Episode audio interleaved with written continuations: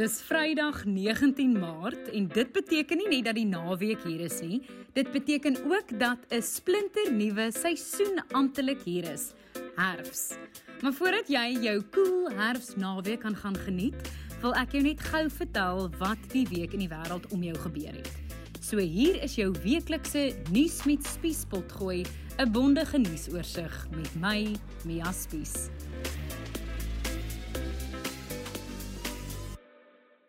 So beerdkrag het almal aan die praat hierdie week, ook die gedenkdiens van die ontslape Zulu koning, die afsterwe van Tansanië se president. Ons gaan ook gou inloer by die studente betogings, by die COVID-19 situasie in Suid-Afrika en dan die skietery in Amerika.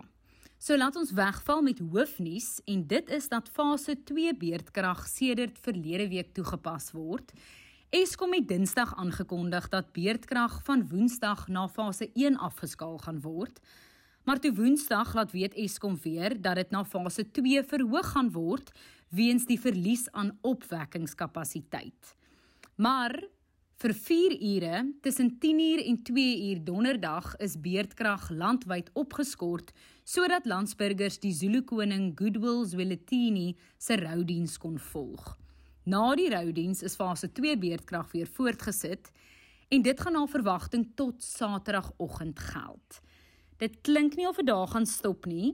Eskom se uitvoerende hoof, Andrei de Ruyter het Maandag terugvoering gegee oor die situasie by Eskom en dit klink of beerdkrag nog 'n rukkie met ons gaan wees. Capacity challenges, however, will remain one of the challenges that we have to grapple with in South Africa as most of our power stations are reaching the end of their useful lives, having had a hard life and being operated uh, for extended period of time, well above international utilization factors. This is further compounded by deferred maintenance and results in our power stations being not reliable and not predictable.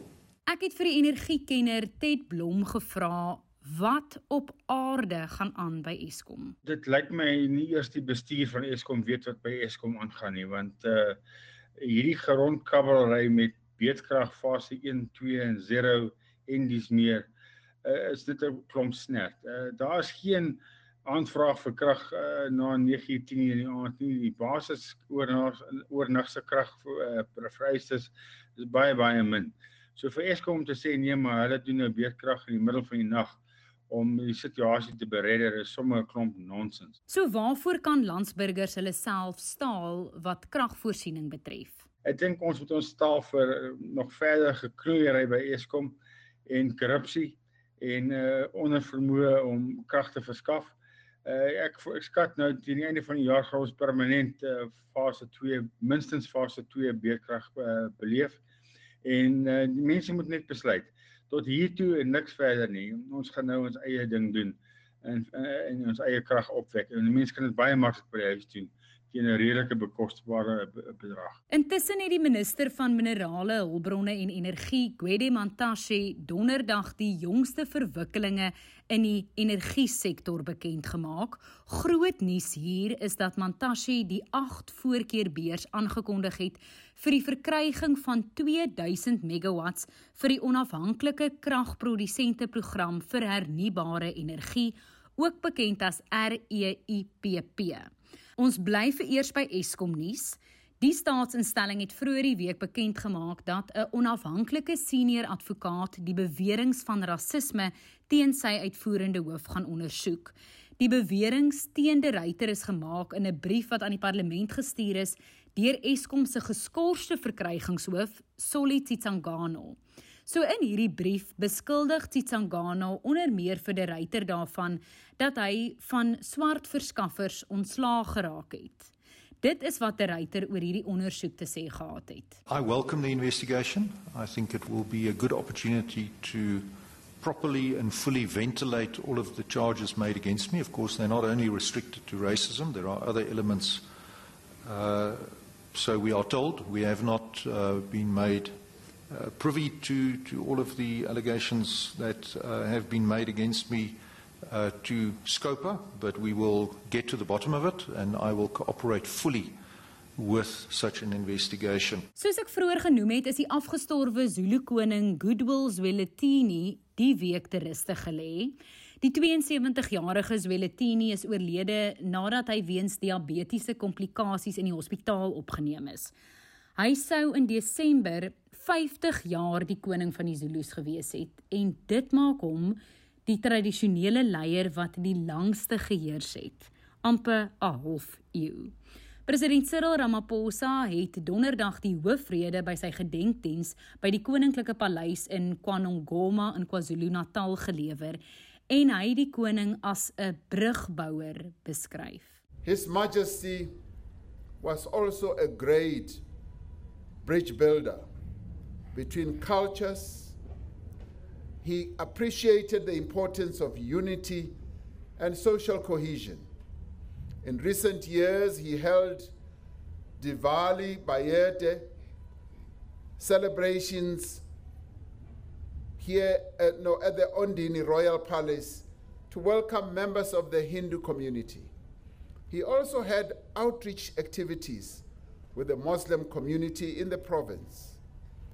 This went a long way towards bridging divides of race, culture, and religion that had all too often fueled hostilities in the province in the past. Dan na Tansanië waar 14 dae van nasionale rou afgekondig is na die dood van die land se president John Magufuli. Die adjunkpresident Samia Suluhu Hassan het bevestig dat die 61-jarige Magufuli weens 'n harttoestand oorlede is. Ramaphosa het tydens Weletini se roudiens ook hulde aan Magufuli gebring. As we mourn our beloved king, we also receive the sad news about the passing of President Magufuli, President of Tanzania. I spoke to Her Excellency Vice President Hassan this morning and conveyed the condolences of the people of South Africa to the government and the people of Tanzania, our sister country, on their loss. As we all know, Tanzania is a country that stood with us during our struggle for freedom and sacrificed a lot, halting and delaying their own development so that we could be free. Magufuli was die laaste tyd baie in die nuus Ehm um, hy het veral kritiek ontlok oor sy hantering en sy skeptisisme oor die koronaviruspandemie. So hy is verlede jaar vir 'n tweede termyn verkies en volgens die land se grondwet sal Hassan nou sy presidensiële termyn uitdien. Dit maak haar die eerste vroue president van Tansanië. Dan terug hier op eie bodem, die openbare beskermer advokaat Busisiwe Mqwebane was ook weer in die hoofopskrifte hierdie week. Dit is omdat parlementslede moes besluit of hulle 'n parlementêre proses om Kwebani uit haar pos te verwyder ondersteun of nie. Met 'n meerderheid van 274 parlementslede teen 40 het die nasionale vergadering ten gunste van die proses gestem dat Kwebani se geskiktheid om die pos te beklee ondersoek moet word. Maar dit gaan nie dadelik gebeur nie want hierdie kwessie gaan eers in die hof draai. Dan na die studentebetogings teen finansiële uitsluiting wat hierdie week voortgeduur het.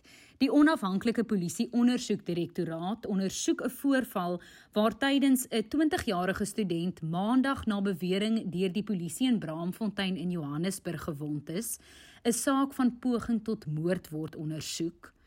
Dan het vier polisiebeamptes wat aangekla is van onder meer die skietdood van Mtokozisi Ntumba 'n omstander wat in die kruisvuur beland het tydens verlede week se studentebetogings in Braamfontein in die hof verskyn.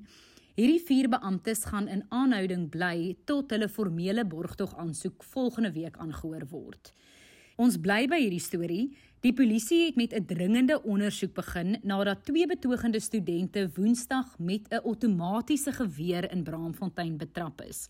So die twee studente is in hegtenis geneem en hulle sal ook binnekort in die Landdroshof verskyn op aanklag van die onwettige besit van 'n vuurwapen en ammunisie en die besit van 'n gevaarlike vuurwapen.